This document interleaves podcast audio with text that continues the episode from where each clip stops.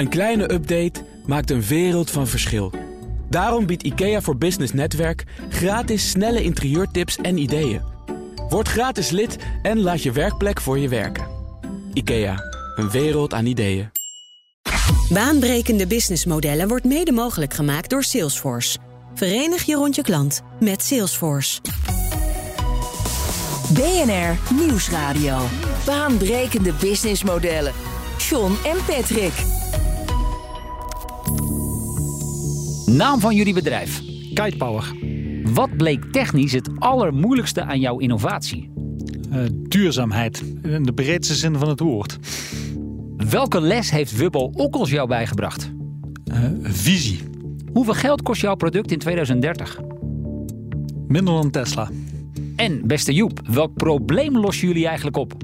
Uh, windenergie op een uh, slimmere manier dan de huidige windturbines over bedrijven die zichzelf opnieuw uitvinden en nieuwkomers die bestaande markten opschudden. Dit is BNR's baanbrekende businessmodellen. Met mij John van Schagen en Patrick van der Pijl. Onze gast is Joep Breuer, de CTO van Kitepower. Van harte welkom. Hartelijk dank. Ja, indien het mogelijk is, vragen wij gasten altijd om een product mee te nemen. Dat is in jouw geval wat lastig.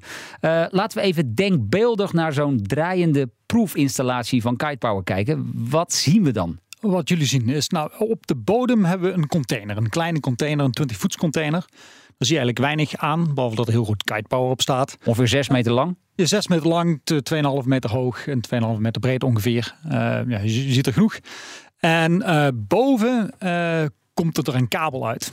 En die kabel is een paar honderd meter lang en die verdwijnt de lucht in. En aan het einde van die kabel zien we eerst een klein kastje. Uh, daar zit eigenlijk, dat is een stuurrobot, hè? die stuurt de vlieger door de lucht. En dan hebben we een vlieger.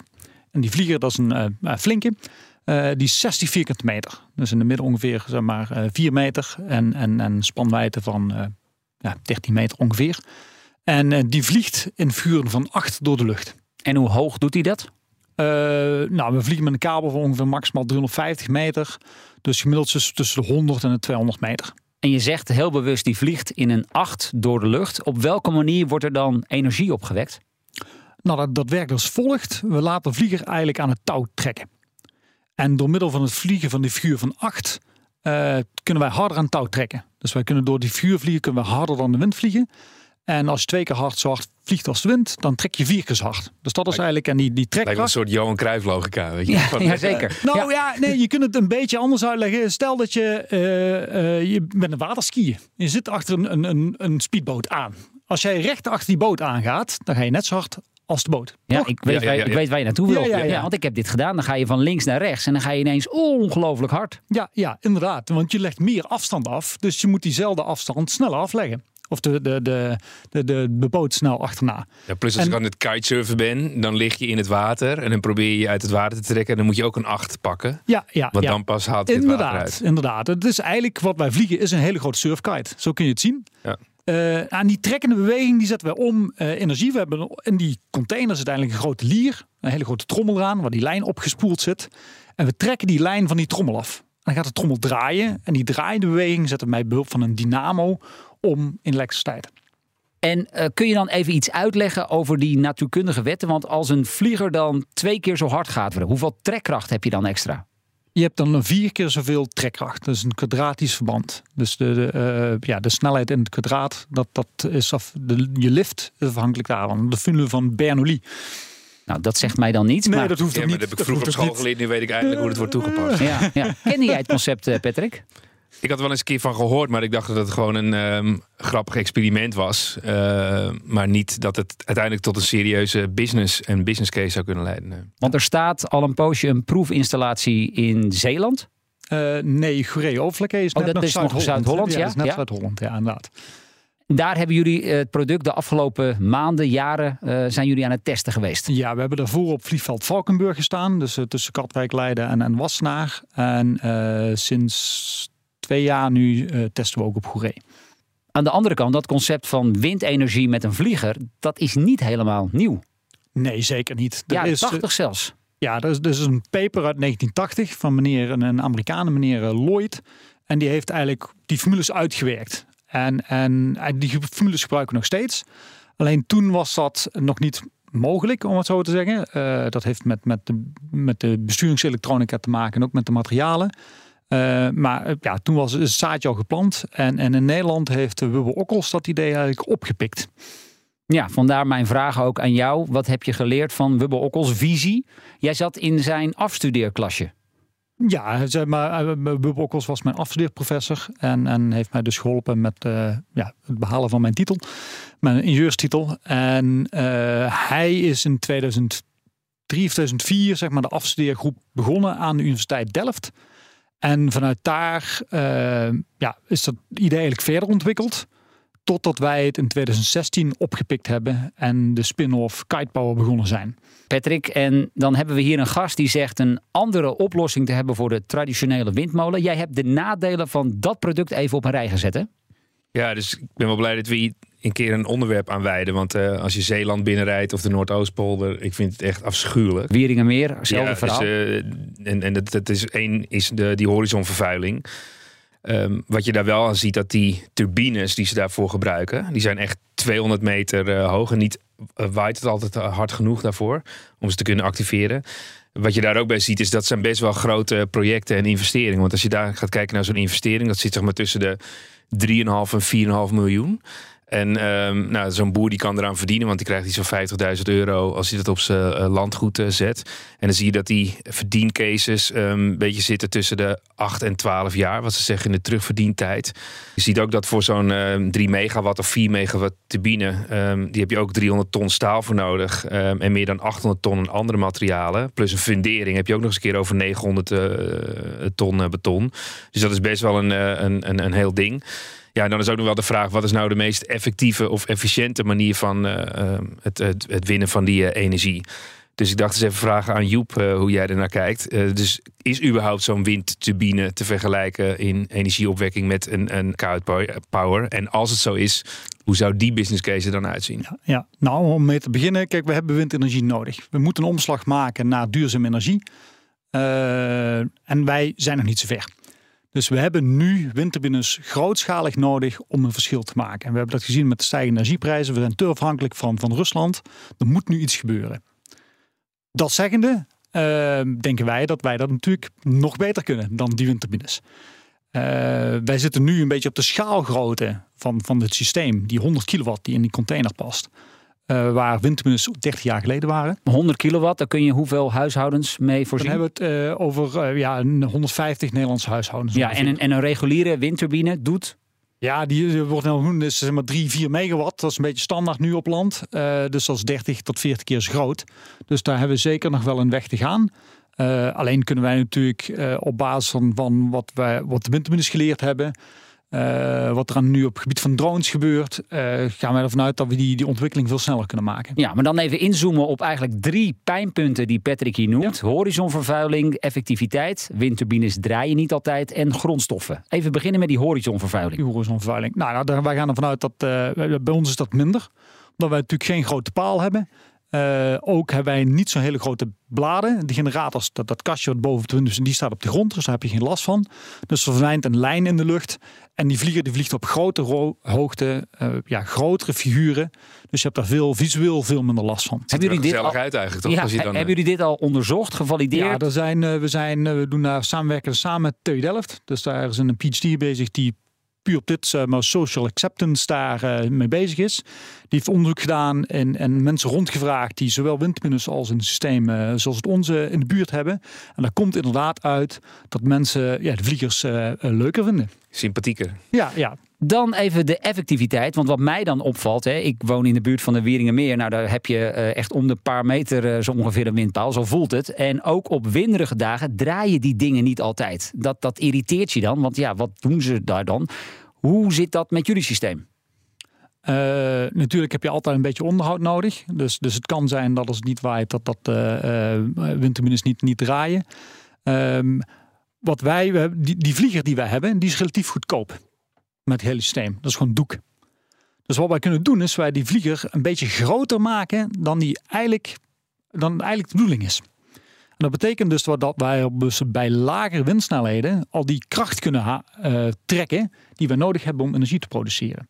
En daarom kunnen wij dus al windenergie produceren, ook grote hoeveelheden, bij, bij lagere wind. Natuurlijk verliezen we dat een beetje bij hele hoge wind, omdat het dan een beetje meer energie kost om die grote vlieger weer in te lieren. Maar dat is veel zeldzamer. En heeft het dan ook nog impact dat je hoger zit dan de windturbines die wij kennen? Ja, dat, dat daar wijt het vrijwel Ja. altijd. ja, dat is een tweede effect inderdaad. Uh, zwaar je hoger gaat, is de wind zijn sterker en, en constanter. Ja, en als je naar die business case kijkt, dan hè, die voorspellingen die worden afgegeven tussen de 8 en 12 jaar terugverdientijd. Zou Ja. het dan bij jou eh, kite power eh, kleiner kunnen of, of sneller kunnen? Ja. Ja, dat is inderdaad het geval. Natuurlijk, daar zijn we nog niet. Hè. We zijn nog enigszins, we zijn net aan het begin van de commercialisering. Eh, en, en dan moeten wij nog economy of scale en economy of numbers hebben om dat verder omlaag te drukken. Daar dus, daarom zeggen wij nu ook, wij, wij richten ons als eerst op de offshore eh, off-grid markt. Waar je dus een hogere prijs kunt krijgen voor, het, voor de kilowatturen. Eh, maar op termijn, eh, wij zeggen wij, wij vervangen massa met intelligentie, omdat we gewoon minder materiaal nodig hebben en het makkelijker in te passen is, zullen die kosten dus van ons lager zijn dan die van windturbines. Laten we die potentiële klantgroepen straks nog even wat eh, gaan beetpakken. Ik wil het eerst nog nog even hebben over dat derde effect, hè, die grondstoffen. Patrick noemde zojuist al een aantal Ja. indrukwekkende aantallen. Ik denk dat veel mensen daar helemaal niet bij stilstaan. Nee. Hoe is dat bij jullie? Eh, nou, dat is veel minder, omdat wij, wij, gebruiken 90 tot 95 procent minder materiaal. Die generator daarboven, het koper wat daarin zit, dat is ongeveer hetzelfde. Hè? Die zet je op de grond neer. Maar zoals gezegd, je hebt geen grote paal nodig, geen lange bladen. En vooral, ja, je noemde al de fundering. Daar gaat ook heel wat materiaal in zitten. Eh, en, en wij hebben dus alleen maar een lijntje en doek. En natuurlijk die generator. En, en daardoor kunnen wij veel lichter of veel minder materiaal gebruiken dan een windturbine. En ik vroeg jou, wat gaat het ding kosten in 2030? Toen zei je minder dan een Tesla. Wat is het prijskaartje nu nog? Eh, het systeem nu voor die 100 kilowatt eh, machine is, is rond de 180.000 euro. Eh, maar je ziet als je dat in massa gaat produceren, er zit een 100 kilowatt generator in. Nou, die heb je in een Tesla ook zitten. eh, met, met wat andere spullen. Dus dat, dat moet, eh, ja, tot dat niveau moet je naar beneden kunnen. BNR Nieuwsradio. Baanbrekende businessmodellen. Met deze keer het businessmodel van Kite Power. Nou, de technische aspecten die hebben we zojuist behandeld. Zometeen meer over hun aanvalsplan voor de markt. Maar eerst Patrick, eh, nieuws over een gast die wij eh, eerder hebben gesproken. Pieter Pot. Ja, en eh, Pieter Pot is de gast des bedrijf. Maar we spraken natuurlijk met Juri eh, Schoenmaker. En dat was de, of is nog steeds een verpakkingsvrije supermarkt. En wat er nog bij staat, eh, was echt een superleuke uitzending. En ook een mooi concept, maar ook mooie dingen die ze hadden gevalideerd. Hè. Dus niet de flitsbezorging, maar gewoon andere verpakking. En ze hadden Kraft Heinz al aan boord met hun eh, ketchup en mayonaise. Zeg maar een van de grootste voedingsmiddelen- en drankenbedrijven ter wereld. En vanaf nu ehm, gaan zij hun chocoladehagelslag van de Ruiter en Brinte havermout ook bij eh, Pieter Pot beschikbaar maken. Dus ze willen niet alleen impact maken door zelf afval te besparen. Of zeg maar in andere woorden eh, de zakken van de founders te vullen. Maar bredere impact. eh, dus het is hen ook te doen om het hele systeem te veranderen. En daarin zetten we ook echt onze missie boven ons eigen bestaansrecht. Want wij willen eigenlijk alleen maar dat andere partijen met ons gaan werken, ons gaan nadoen en ons gaan kopiëren.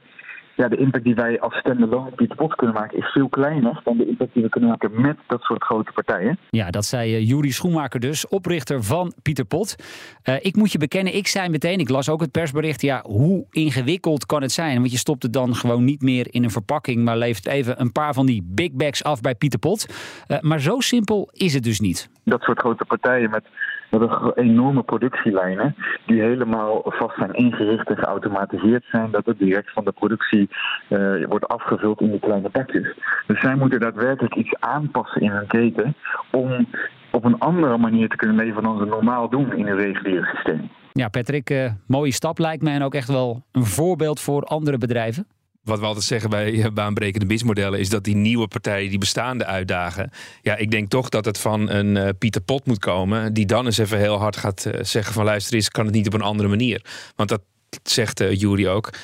dat zou nooit zeg maar van binnenuit echt kunnen komen. Mooie partij in ieder geval, die de markt dus flink aan het disrupten is. Pieter Pot, we blijven ze volgen. Uh, we praten verder met Joep Breuer van Kite Power, dat een goedkopere en duurzamere manier van windenergie te zeg te hebben ontwikkeld. Ding kost nu nog 180.000 euro, vertelde je net. Hebben jullie eigenlijk al betalende klanten?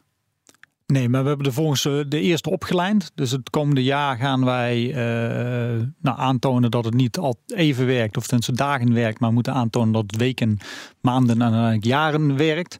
Uh, dus op basis van, als we die data verzameld hebben, dan kunnen we echt de markt op. En daar hebben we al verschillende mensen opgeleid, en vooral in het buitenland. En als je dan kijkt naar die markt, op welk spoor zitten jullie dan qua klantsegment? Je noemde net al iets over off-grid. Ja, we hebben eigenlijk een soort, eh, laten we zeggen, een soort drie-stapsraket. Uh, wat we nu ook kunnen doen is kortdurende projecten. Dus dan hebben we het uh, over, tijdelijke dingen, festivals of, of, of, andere dingen. Waar we voor korte tijd zeg maar, duurzame energie kunnen produceren. op dan, zeg maar, laten we zeggen, voor, voor, eind volgend jaar. Dan zijn we klaar om die eerste off-grid markt te betreden.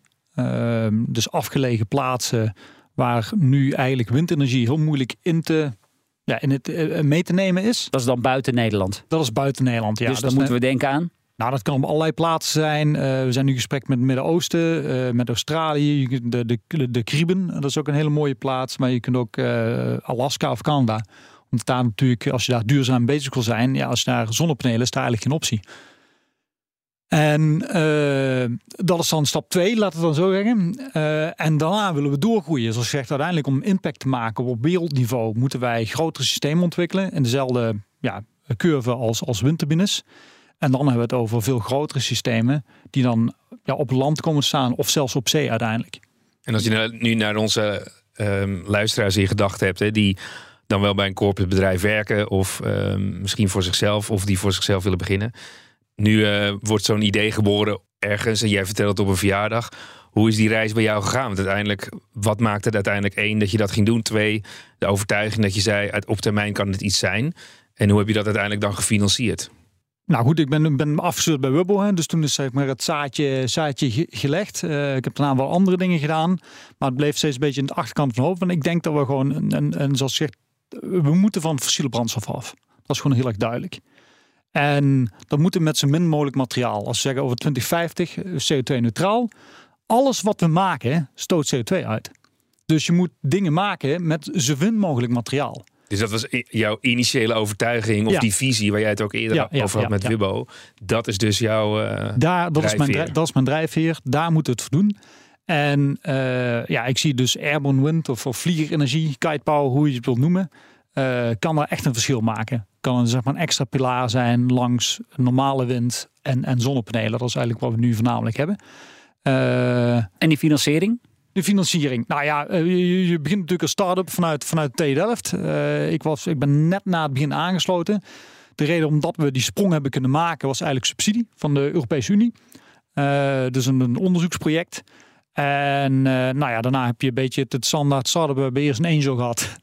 Uh, we hebben uh, daarna twee fondsen aan boord gehaald. en net een crowdfunding actie ja, ja, afgerond. Ja, dus dat was natuurlijk dat, dat was gedeeltelijk doen om het geld. Dat was ja. altijd mooi met crowdfunding. Toch weer even een miljoentje binnen ja, ja, een miljoentje. Dat, nou, daar kunnen we heel veel mee doen met het geld. Um, uh, maar omdat we ook op die, die, die stap zitten na die, na die commercialisering, hebben we uiteindelijk ambassadeurs nodig. Mensen moeten vertellen, het is nog niet zo bekend dat het überhaupt kan. Uh, ja, jij, jij, had er wel een keer van gehoord, maar je dacht dat een beetje spielerij was. Ja. Maar het moet duidelijk zijn, dit is echt iets. We kunnen hiermee verder. Dus daarom zijn we blij dat we meer dan 800 ambassadeurs erbij gekregen hebben. Die dat inderdaad op verjaardagspartijtjes gaan vertellen. Zodat we uiteindelijk die markt op kunnen. Ja, en die markt, hè, ik zit dan even, ik ga even op de stoel zitten van de andere partij. Jij pitcht jouw idee uh, naar die misschien energiebedrijven, maar ook bouwplaatsen, kan ik me zo voorstellen, lokale gemeenschappen. Die willen toch ook een bepaalde mate van leverzekerheid. En daarom kan ik me voorstellen dat ze uh, misschien wel een beetje aarzelend zijn. In hoeverre kun jij die belofte al doen? Nou ja, wij, wij hebben natuurlijk geen controle over de wind. Ik zou daar graag een schakelaar hebben, maar die hebben wij niet. Dus uh, absolute leverzekerheid kunnen wij niet leveren. En we zullen altijd onderdeel zijn van een groter systeem.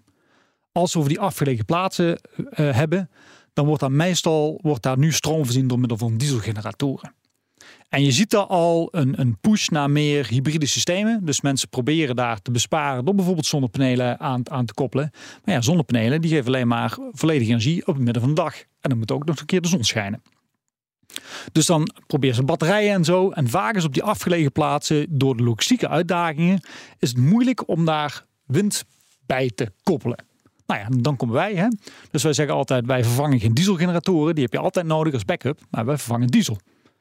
En we hebben berekend, afhankelijk een beetje van de windcondities, dat voor één zo'n container wij 90 tot 150.000 liter diesel per jaar kunnen besparen. Uh, er ligt natuurlijk wel een beetje aan hoe ver hoe het met de aanvoer zit. Hè, wat de diesel dan kost op die locaties. Dat zal het Midden-Oosten een beetje anders zijn dan ergens in een uithoekje in, in, uh, op een of ander eiland. Um, en je moet ook nog, ja, je, je, je, moet nog wel onderdelen vervangen, maar je hebt eigenlijk een best goede business case. En welke propositie bied jij die partijen dan aan? Want 180k is nog best een flinke smak geld. Denk je dan bijvoorbeeld ook aan lease, aan huur, misschien een abonnement? Dat is een beetje afhankelijk natuurlijk. Uiteindelijk zijn we voor, voor die, lange, die lange visie, zeg maar, die grote systemen. En dan is gewoon verkoop van systemen. Wij zien nu met, met die, die tijdelijke markt dat het meer een soort huursysteem uh, wordt. Dus, dus mensen huren ons systeem voor een bepaalde tijd. Uh, en, en, en eigenlijk alles wat daartussen zit, ja, je kunt dan een uh, PPA's, uh, dat je gewoon afzet van voor elke kilowattuur krijgen we zoveel cent. het kan een verkoop zijn, het kan een mix zijn. En dat is een beetje qua klant afhankelijk. Maar alle opties zijn daarin nog open. Dat zijn jullie nog aan het onderzoeken. Het ligt, het ligt, een beetje aan, kijk, zoals gezegd, de eerste stap is die, die off-grid markt. Uh, daar zullen we uiteindelijk systemen gaan verkopen aan, uh, ja, noemen dat microgrid indicators, die dan zo'n klein microgrid opzetten. Uh, alleen het ligt ook een beetje aan wat voor soort contracten zij met hun klanten hebben. Dus daar zijn we wel nog flexibel in. Ja, ik denk dat het interessant is om te kijken naar um, dat onderwerp van validatie. Daar hebben we het natuurlijk vaak over. Um, op hoofdlijnen in je businessmodel heb je drie manier om te valideren. Dus aan de ene kant is dat, uh, zit de klant erop te wachten, is het klant wenselijk? Nou, dat is inderdaad wat Deborah laatst in onze uitzending ook aangaf. Dan moet je echt wel met meerdere redenen kunnen komen. En kijk, wat je hier wel ziet, het feit dat we energie nodig hebben, is gevalideerd. Dus daar hoef je geen tijd meer in te stoppen. Maar als je nog extra dingen daarin aan kunt geven, zoals ook nog besparen, zoals net wordt aangegeven, um, dan is dat een, een, een, stuk wat belangrijk is. Plus, uiteindelijk moet je de hessel weg kunnen nemen dat je niet elke dag je vlieger hoeft op te laten. Dat is, dat is één stuk. Daarnaast heb je het tweede onderwerp is in de technische haalbaarheid. Um, en daar um, is, is Joep nu heel hard aan het werk om te kijken dat je het technisch voor elkaar kunt krijgen en ook uh, schaalbaar kunt maken. Dus daar heb je nog een aantal uh, zaken te bewijzen. En in die business case, er zit een business case dat je weet, het kost nu 180.000 euro. En daar heb je ook al rendement. Alleen dat kan uiteindelijk nog beter verbeterd worden. Mhm. Dus ja, ik vind deze nuancering ook wel interessant, omdat vaak wordt gezegd, ja, dan moet je het allemaal valideren. Nou, dat we die energie nodig hebben en dat het goedkoper kan, dat is niet zo ingewikkeld. Dus dan zit het veel meer in, in het gebruik en, en de toepasbaarheid en het gemak daarin. En als we dan nog verder kijken naar die toepasbaarheid. Nu denken jullie nog aan die off-grid markt. Uh, begrijpelijk, festivals, misschien ook wel bouwplaatsen. Mhm.